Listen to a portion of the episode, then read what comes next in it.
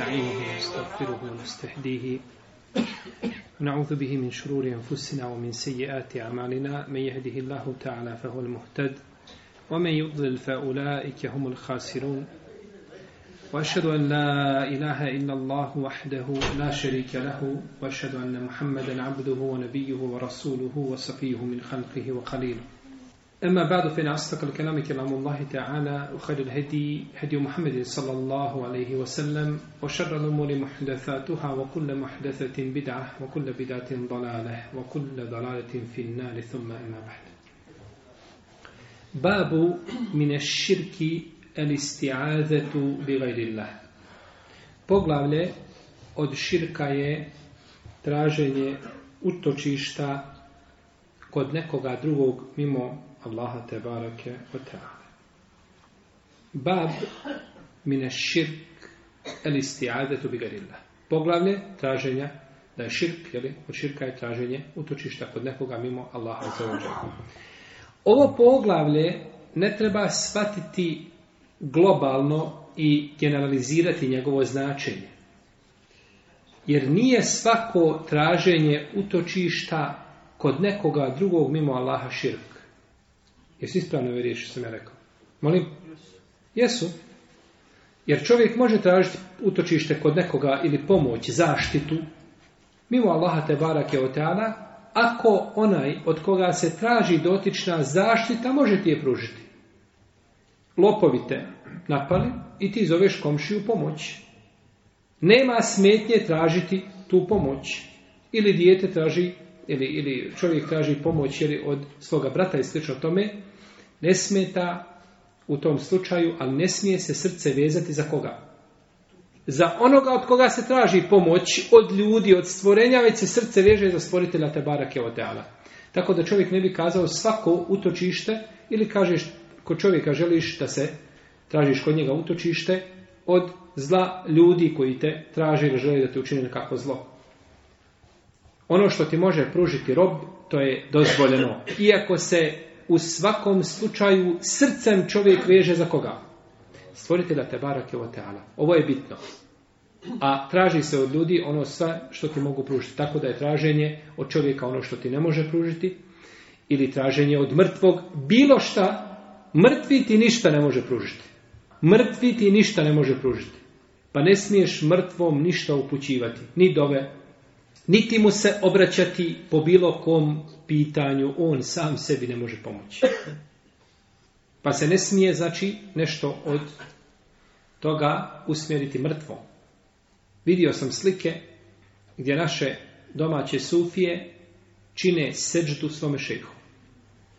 Ulazi šeh i njih 12 ili 15 ili više na seđdu padaju svi, znači, njegovom dolazku. Kakva je to akida i kakva je to vjerovanje? U šta ti ljudi vjeruju? U šta vjeruješ? Jedino da se pokušaju izvući, mi smo učinili seždu šukra Allahu zato što nam je došao šejh. A sežda šukra se ne čini tako. Sežda šukra se čini kada se čuje haber i vijest. Nego se jasno vidi da je to dogovoreno da se u jednom mahu čini sežda čovjeku. I nakon toga čovjeku ne smeta više šta radi. Znači, od živog se može tražiti samo ono što ti može pružiti, a ništa od ibade tamo ne smiješ usmjeriti, apsolutno ništa. Jer je to se usmjerava samo stvoritelju, te barake, o teana. Pa onaj ko traži utočište kod Allaha za vođen, on pribjegava njemu, te barake, o teana, od onoga što ga uznemirava ili što ga može uništiti ili što mu može ili što mu može nauditi. Kaže Ibn Kethir, rahimahullahu ta'ala, traženje utočišta je traženje skloništa i privrženost da te sačuva od svega što ti nanosi zlo. I to je ibadet koji nam je naredio stvoritelj Tebarake Otala. Znači, traženje utočišta je ibadet. Kaže uzvišeni Allah te barake o teala wa imma yanzaganneke mine šeitani nezgun festa'idh billah innehu huva senijul alim. A kada te šeitan pokuša na zle misli navesti ti traži utočište kod stvoritela te barake o teala. Jer on je taj koji sve čuje i sve zna. Pa kada čovjek želi da uči Kur'an, traži utočište. A'udhu billahi mine šeitani rajim. Dok u namazu ne kaže a'udhu billahi mine šeitanir rađim, ne kaže a'udhu billahi sami la'alim mine šeitanir rađim. Min hemzihi wa nefhihi wa nefthihi. Tako traži utočište u namazu. Za razliku od namaza. Jer nije došlo od poslanika, sallallahu alaihi sallam, u vjerodostanoj predaji, da je tražio utočište u namazu sa riječima a'udhu billahi mine šeitanir rađim. Nego je došla predaja kod Ibnu Mađe i kod drugi sa a'udhu billahi sami la'alim. I kaže uzvišen Allah te barak je utala Kul e'udhu bi rabbil felak I reci utječem se gospodaru svitanja Kul e'udhu bi rabbin nas I utječem se gospodaru ljudi I slično tome sve su to naredbe da tražimo o, utočište kod našeg stvoritelja te barake o teana Pa je traženje utočišta kod Allaha za ođel ibadet njemu. Pa je činjenje iste stvari drugom mimo stvoritelju šta? Činjenje ibadeta dotično što je najstrožije zabranjeno i što je širk u uluhijetu. Kao što čovjek da klanja stvoritelju i klanja šejhu i mrtvom. Klanjaš stvoritelju, no međutim učinio si mu širk sa drugim. Isto tako je po pitanju traženja istiade ili utočišta, ili činjenja istiade ili utočišta.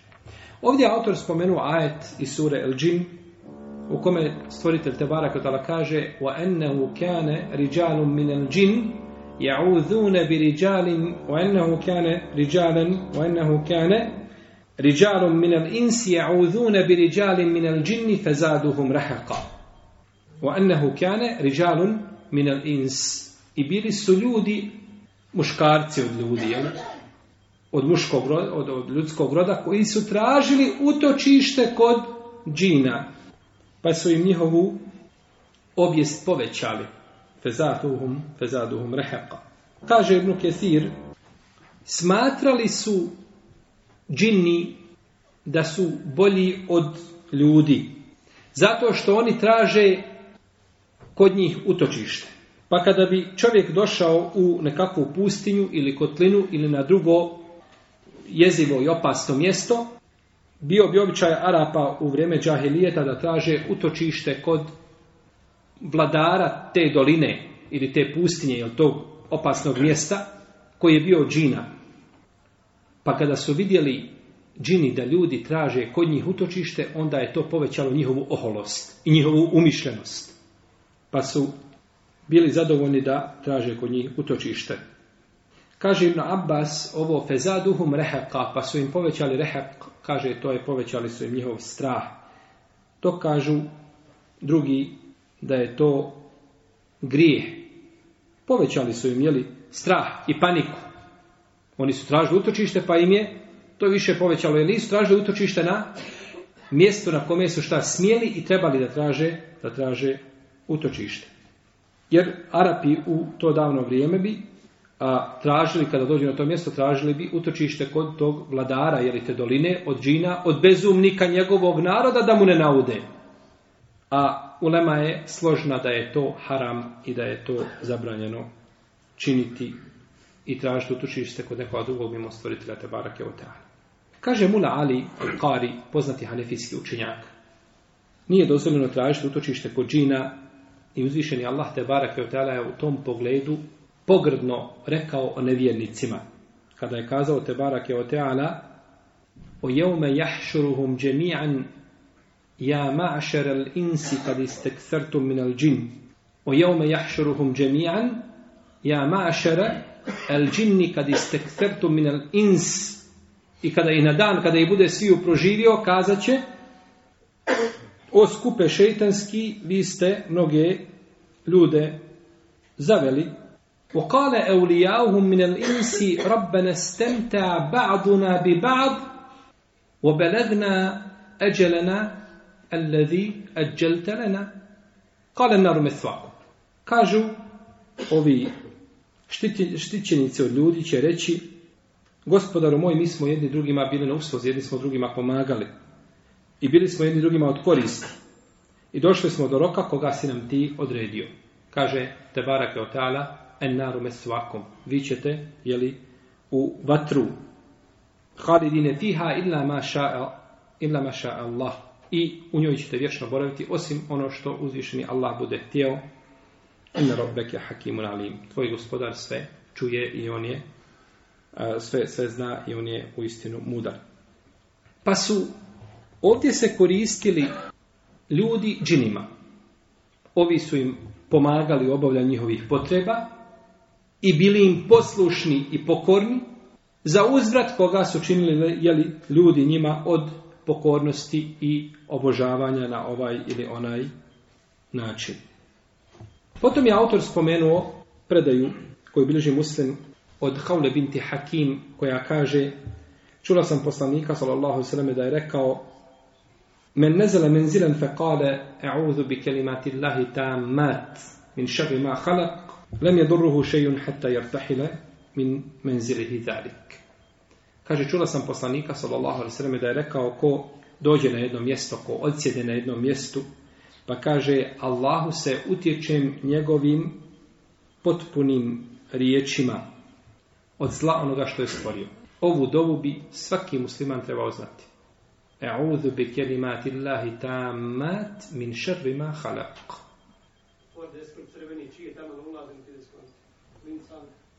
Dakle, u ome hadisu, pored njegove sažetosti, imamo jednu dovu koja je velikog, velikog značenja. Ovo je dovu prenijela Haula bintu Hakim ibn Umeje, Esunamije. Kaže se da se zvala Umu, Umu Šerik. Kaže se za nju da je ona žena koja je ponudila sebe poslaniku sallallahu alaihi wasallam. El wahibetu nefseha. Koja je došla i ponudila sebe poslaniku sallallahu alaihi alaihi wasallam. A kaže se da je prije toga bila žena Osmana ibn Mad'una. Znate kada se ponudila žena poslaniku sallallahu alaihi wasallam? Kako došlo kod Ebu Davu do njegovom sunenu. Došla je žena kod poslanika alaihi salatu wasallam i kaže Allahu poslaniće Inni wahebtu nefsi leke ja ti se, kaže, nudim Allahu poslaniče. Pa je oborio glavu Resulullah sallallahu alaihi sallam. I ništa nije govorio. Pa je nakon izvjesnog vremena došao jedan ashab i kaže Allahu poslaniče, udaj je, kaže, za mene. Pa je rekao, dobro, šta imaš da ju daš kao mehr? Kaže, imam izar, odjeću moju. Pa kaže, ako ju daš, onda ti nemaš odjeće. Idi, kaže, traži bar da ju nađeš prsten od željeza prsteno železa da joj dadne kao mehar, ne da ga stavi na ruku. Jer je ispravno da ne smije se nositi železni nakit. Kako je rekao poslanik sa osanem u Hadisu, koga bližima Mahmedi koji ima više puteva, i kaže šeh Albani da je dobar, kada je upitano železnom prstenu, rekao je tilke hilijetu ehlin nar. Kaže, to je nakit stanovnika džahennema. Pa se zlatni nakit, uh, ovaj, železni nakit se ne smije nositi kada su u pitanju muškarci ni žene pa je tražio železni prsten i nije mogao naći. To je samo kao mehr, jel? a ne da, da, da ga nosi. I to nije dokaz da se smije nositi, jer imamo jasnu zabranu. Pa kaže, šta znaš od Kur'ana? Kaže, znam i to, i to. Kaže, udajem te, odajem nju za tebe na osnovu toga što znaš od Kur'ana. Pa ispravno da mehr može biti ono što čovjek zna iz Kur'ana. To je ispravno mišljenje kod fakiha. Pa se udala za ovoga ashaba. Kaže ovdje ova sahabika men nezele men zilen fe kale. Kaže, čula sam poslanika, sa osvijem da je rekao, ko dođe na jedno, ko odsjedne na jednom mjestu, pa rekne, e'udhu bi kerimati Allahi ta'amat mi šerima halak. Ko odsjedne? Znači, u svojoj kući kada živiš, ne možeš kazati ove riječi. Nego ove riječi vjede samo za put. Kada si na putu, pa šta, negdje? Odsjedneš. No međutim, to nije tačno, to nije htjelo se time. Nego čovjek najviše zla ima kada je šta negdje odcijeo na nepoznato mjesto. I zbog toga je došla šta ova dova u protivnom, se ona može učiti u svojoj kući i na bilo kom drugom mjestu nema smetje, znači da se uči do, ova dova. U njoj je Hajri Bereke. Kaže Ibn Abdelber za ovu sahabiku Haulu bintu Hakim da je bila salihatun fadila, da je bila a, dobra a, a, jel, vjernica sa mnogo, sa mnogo odlika. E'udhu bi kelimati Allahi ta'amat. Allahu se utječim njegovim potpunim riječima. Ovo je došlo kao zamjena za ono što su činili šta? Pagani koji bi došli na jedno mjesto i tražili utočište kod džina, pa je uzvišen Allah te barek tala propisao a vjernicima da traže, traže utočište njegovim potpunim riječima i svojstvima. Kaže Imam el-Kurtubi, kaže se ovdje kada su u pitanju potpune riječi, ta mat, potpune riječi, da su to riječi koje nema pri sebi krnjavosti ili nedostatka kao što su riječi ljudi. Dok neki kažu da se ovim misli na Kur'an, jer je uzvišen je Allah te barakatala na nekoliko mjesta, na tri mjesta u Kur'anu kaže za Kur'an da je huden vo šifa, da je uputa i lijek za ljude. Uputa i lijek za ljude iako ne mora znači da će uvijek biti lijek svakome, jer ovisi o onome koga uči. Ovisi o onome koga uči. Pa je shodno ovome traženje utočišta, to je iskreno pribjegavanje stvoritelju Tebara Keoteana i oslonac na njega prvenstveno svojim srcem. Kaže šehol sam minute imije, rahimahullahu Teala, islamski učenjaci su kazali da nije dozvoljeno tražiti utočište kod nekoga od stvorenja koje je stvoren. To je rekao ima Mahmed i drugi. Ne smijemo tražiti utočište šta? Znamo na koju vrstu utočište šta mislimo. Ne smijemo tražiti utočište kod onoga što je šta? Stvoreno. Kaže, ovo je dokaz da Allahove riječi nisu stvorene. Jer kod Allah, Allahovim riječima šta tražimo? Utočište. Pa da su stvorene, ne bi smjeli time tražiti šta? Utočište. I ovo je jedan lijep zaključak, jer je poslanik sa osreme tako govorio i nama tako naredio da radimo. A traži se samo utočište kod Allaha te barake o teala, ili se traži njegovim imenima, ili svojstvima koja imaju isti propis kao i stvoritelj, to jeste nisu stvoreni. A što se tiše traženja utočišta Kur'anom, je kao zaklinjanje Kur'anom. Jer su to šta? Allahove riječi. Pa kako se čovjek može zak, e, zakleti Kur'anom, da kaže tako mi Kur'ana, ciljajući na Allahov šta? Govor, dozvoljeno je, iako je bolje ljudima da to ne čini. Zato što ljudi ne znaju razliku od između Allahovih riječi i mushafa, jeli, papira i mastila. Pa onda mogu imati, može im zaklinjanje biti pogrešno, može im može i zaklinjanje odvesti u nešto što je zabranjeno. Pa je onda preče da zakunu se Allahom te barake od nego Kur'anom iako kažemo sa strane da je to Allahov govor, bilo bi dozvoljeno. Isto tako, zabranjeno je da utjecati se riječima koje su nerazumljive. Dođe čovjek nešto mrmlja, mrmlja, utječe se. Kome se, šta utječeš? Kome se utječeš takvim riječima? Utječeš se na hebrejskom jeziku. Kome se utječeš na hebrejskom jeziku? Ili na farisijskom, misliš o tome? Treba čovjek da se utječe, znači, jasnim riječima, nije bitno na kome je to jeziku, jeli, bilo. Kaže Ibnul Kajim, ko zakonje šeitanu nešto ili mu bude do učinio ili bude tražio utočište kod njega ili mu se bude približavao nečim što on voli, kaže on, je, on ga obožava taman i da ga ne spomene. Taman da ne spomene njegovo ime. I taman to činjenje tih postupaka nazvao korišćenje. Ja njemu činim nešto da bi on meni nekakvu šta korist pribavio ili učinio nekakvu uslugu. Za protuuslugu ne. Sve se to znači smatra širkom koji, koji se ne smije desiti ili vjerniku. Jer šeitan kada služi čovjeka, on njega ne obožava. On mu čini određene ustupke. Da ga obavijesti o nekom gajbu koji će se desiti. Ha, što čovjek ne zna. A oni su saznali. Ili da ga obavijesti o nečemu što je bilo. Ili da mu određeni ustupak učini. Ali čovjek da bi njemu to šeitan činio, mora činiti njemu ibadet. Stoga je a, veliki dio uleme kazao da čovjek koji se bavi sihrom da je time izišao iz vjere. Jer neće mu šetan biti pokoran osim nakon što mu čini nakon što mu čini ibadet. Min šarri ma halak od zla onoga što je stvorio. Od zla onoga što je stvorio. Od svega što je stvoritelj te bara kao stvorio u čemu ima zlo što bi moglo čovjeku navoditi. Bilo šta u čemu ima zla traži znači potpunim Allahovim riječima utočište od svega što je stvorio što bi moglo navoditi. I zaista ova je dova toliko sve obuhvatna da se nikako ne bi smjelo desiti vjerniku da je zaboravi. Kaže Imam El Kurtubi, ovaj hadis je li ispravan po, kao je li salancem prenosilaca, ali kod muslima u sahihu, a kaže ispravan je i sa strane praktične. I kaže, nikada nisam proučio ovu dova da mi nije koristila. Jedne prilike sam, kaže, ustao pa me je škorpion uh, ujeo, Pa sam, kaže, razmišljao šta je bilo i sjetio se da sam zaboravio ovu dom. Sjetio se da sam zaboravio ovu Samo jedan put dok sam je ostavio, kaže, to mi se desilo. Tako da, ovu dovu je lijepo učiti, znači, i pred spavanje, i u svakoj situaciji, e'udhu bi kelimati Allahi tamat min šarrima halak. Nemojte sebi dozvoliti da večera siđete sa ovoga sjela, a da ne naučite ovu dovu. E'udhu bi kelimati Allahi tamat min šarrima halak. Utječem se, Allahovim potpunim imenima od onoga zla, onoga što je stvorio. Ovdje jedno pitanje ima koje je bitno vezano za temu o kojoj govorimo ili ima vezu sa ovom tematikom, a to je pitanje kontakta ljudi sa džinima.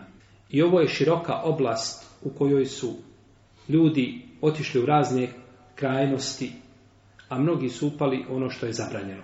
Od širka pa u ono što je manje od toga. Prvo, Nije potvrđeno da je poslanik sallallahu sallam ikada surađivao sa džinima. Da imao pored sebe džina sa kojim je razgovarao, koji ga je savjetovao, koga je savjetovao. Ne. To nije potvrđeno. Poslanik je sallallahu sallam pozivao džine jer je njima poslan kao i ljudima. Učio im Kur'an i oni su to slušali. Ponekad je sudio među džinima kao što je nam jedne prilike presudio između dvije skupine. Jedan je džin ubijen pa je presudio između dvije skupine ubijenom No međutim, nije potvrđeno da je poslanik sa osaname imao džina koji mu je koristio i koji mu je nešto obavljao od potreba. Iako je imao veliku potrebu za tim. Pogledajte pitanje bitke na Hendeku. Kada je poslanik sa osaname rekao ko će mi, kaže, donijeti habere i vijesti od mušrika, bit će, kaže, sa mnom u džennetu. Što mislite? Kaže ashabima, ko će mi donijeti habere od mušrika, bit će sa mnom u džennetu. Niko ne pomjera. Niko ne. Od koga to čuju? Od poslanika Salosa. Vole ga i vjeruju mu više nego što mi možemo pomisliti i zamisliti. No, međutim, niko se ne pomjera. Pa je rekao, ustani, Hudejfe. Ustani. Pa mi je, kaže, pa sam ustao, pa mi je učinio dobu, kaže, pa sam išao kao da idem, kao u toplom nekakvom vjetru da idem. I kada sam se vratio, kada je vidio vijesti, Kada se vratio, kaže, opet me obuzela zima. Ista zima, hladno bilo. Neobično hladno bilo. Tamo je poslanik sasvim dao svoje džube, pa je zagrnuo, pa je spavao, pa je ujutru došao, kaže, kum, ja ne uman. Kaže, ustani, spavalico jedno. Nije ust, mogao je, zašto poslanik sasvim nije poslao džina da mu ispita stanje mušrika i da mu dođe sa vijestima? Što je morao slati nekoga od sahaba? i mučiti ashabe, jer to je bio napor u smislu, jeli, da čovjek ide, da gleda opasnost bila za njega i tako dalje. Nije poslanik, sal sremen, dakle, nikada surađivao ovaj, sa džinima, kao što rade danas mnogi ljudi koji uče Kur'an i ruke ljudima i u tome pogledu mogli bi se tomovi pisati šta ljudi rade i kakve prestupe čine. Imaju džine, razgovaraju sa džinima, pričaju sa njima, kahve ispiju sa njima. To nije bila praksa sebe. Dalje, nije potvrđeno da je iko od ashaba radio sa džinima na takav način. Da je surađivao sa džinima i da je imao džina koji ga podsjeća na noći namaz, na duha, na ovo, na on, nikada. Znači, to nije bilo potvrđeno u praksi ashaba. Zar nije bilo najpreše da na Uhudu kad je šeitan povikao Kutile Muhammed, ubijen je poslanik sa osalem. Je li tako? Ubacio fitnu među koga? Među muslimane, u redove muslimana. Zašto nije došao džin od muslimana da kaže lažeš nije tako nego Muhammed je živ, nego ubacio fitnu i dalje ostalo. Zašto se nisu ashabi i poslanik sa osvijem koristili sa džinima? Nije znači to bila poznata, jeli? Poznata praksa. Najzad džini, otkud znaš sa kim pričaš? Vi znate kada je dolazio šeitan i krao debu Horeire, kada je krao sada katol fitr? Kako došlo od Buhari u Sahiju. Pa ga jedno večer uhvatio, pa drugo, pa treće. Kaže, pusti me, kaže, poučit ćete nečem što ćete koristiti. Pa ga je poučio Ajtol Kursi. Kaže poslanik sa osaname, sada kake vahuva ke zub, istinio ti je rekao, on je lažo. Laže, kako mu možeš vjerovati? I šta god da te obavijesti, moraš staviti četiri ili pet upitnika da li je ta vijest ispravna ili nije, ili nije ispravna. Pored toga, zašto džin dolazi i surađuje sa nekim, a ne dolazi kod najveće uleme? Mate ulemu umeta prošla, šejh Al-Albani, Ibn Baz, Ibn Usaymin, imami, ovoga vremena. Nikome nisu džini dolazili da surađuju sa njim i da mu govore gdje imaju manuskripti koje trebaju vaditi da pišu o njima ili problemi koji imaju umetu da ga obavještavaju. Ništa, niko. Nego tebi dođe džin. Pa tako i treba. Takvom ko tebi dolaze džini. Ne može doći alimu. Nego neznalici dolaze džini. I njemu mogu prići, mogu sa njim rati šta žele. A neće nikada doći učenom. Jer znaju da su im to vrata zatvorena. Ima hadis u kome se kaže neće nastupiti sudnji dan dok ne bude povećan broj djece kod vaših žena od džina i vaše djece kod njihovih žena. Tako se navodi hadis. Kaže šehr Albani u svome 12. tomu svoji daif sil sila da je taj hadis munker džiddan. Znači to vam je apokrifno ili tu negdje. A, blizu apokrifnog hadisa. I zaista je tako. Neće nastupiti sudnji dan dok čovjek jeli, ne bude Jer ta ženitba između ljudskog i džinskog svijeta po ispravnom mišljenju nije dozvoljena. Muhiddin el Arabi kaže ja sam imao, je li, Muhiddin ibn Arabi, Muhiddin ibn Arabi, Sufija, kaže ja sam imao ženu džinkinju i rodila mi je troje djece. Jednog sam je dana, kaže, razljutio, pa je uzela kost i udarila me, evo, kaže, ostala je masnica ovdje, glavi, kaže, pa je otišla i nikada mi se više nije vratila. Pa ima Zehebi to osudio, kaže, ne, ne laže Muhidin ibn Arabi, ne laže on, no međutim, kaže, toliko se je sam osamljivao i toliko je plovio u tim su, sufijskim svjetovima i, i u maštanjima, kaže, da je počeo pri, pričati onako bez. Tako da je to batil. Uzvišen je Allah, tebara tala, kaže, fenkihu ma tabelekum minen nisa, ženite ono što volite, ili vam se srce sminuje, od žena minen nisa mesna u sulase u ruba, je li tako? Sa po dvije, sa po tri i sa po četiri. Sa po dvije, sa po tri i sa po četiri. Pa čovjek smije imati koliko? Ne. Smije jednu. A dozvoljene su mu četiri. Ali smije šta? Smije jednu. Fenkihu ma ta belekom minen nisa. Nije rekao od džina. Nije rekao od džina, nego kaže od žena. Pa je ta ženitba koja se pripisuje, znači između džina i, i, i ljudi, Neki su kazali dozvoljeno je da muškarac ima ženu u džinkinju, ali ne smije žena imati mu, muža, jer onda kad god zatrudni može mužu kazati ovo nije od tebe, ovo je od drugog. Ovo je od džina. Neki su spominjali da, da je obavezno od, od, od, od takvih kontakta i gusoli i tako dalje, no međutim ispravno je da to nije potvrđeno od Selefa i da te stvari se ne mogu dešavati između a, ljudi i džina i to su dva različita svijeta. Svaki svijet ima ha, svoj način života, i što manje kontakta sa džinima, to je bolje i to je preče i bit će insan jeli, mirni. To bi bilo nešto vezano za poglavlje o kove smo govorili. A, u svakom slučaju ovdje možemo samo još dodati da je u ovome hadisu, u spomenutom hadisu, jeli, da je dokaz da je lijepo čovjeku koji poziva ljude da im da zamjen. Pozivaš ga da ostavi nešto, nekakav munker, ali mu daješ alternativu šta u islamu. Ne mora znaš da svaka stvar treba i može doći sa zamjenom. Sigurno ne. Čovjek ima određenu stvar, boli, ali nema tako nešto jel, u islamu, zamjena. No, međutim, ako ima alternativa, onda je treba ponuditi, jel u redu. Čovjek voli da duhani, jel u redu. I kažeš mu ostavi duhan, to ti nije šarijetski ispravno. Kaže, daj mi zamjenu, ja nemam šarijetskog duhana jel red? Ne znam kakvu zamjenu da dam, žvakaću u gumu bombonu, šta da ti dam? Zamjene nema. Ali čovjek se bavi kamatom, kažeš mu ostavi kamat, kažeš šta je zamjena? Zamjena je trgovina šerijatska, bavi se trgovinom i zarađivaj pare. Ili čovjek čini nemoral, oženi se, šerijatski živi i tako dalje.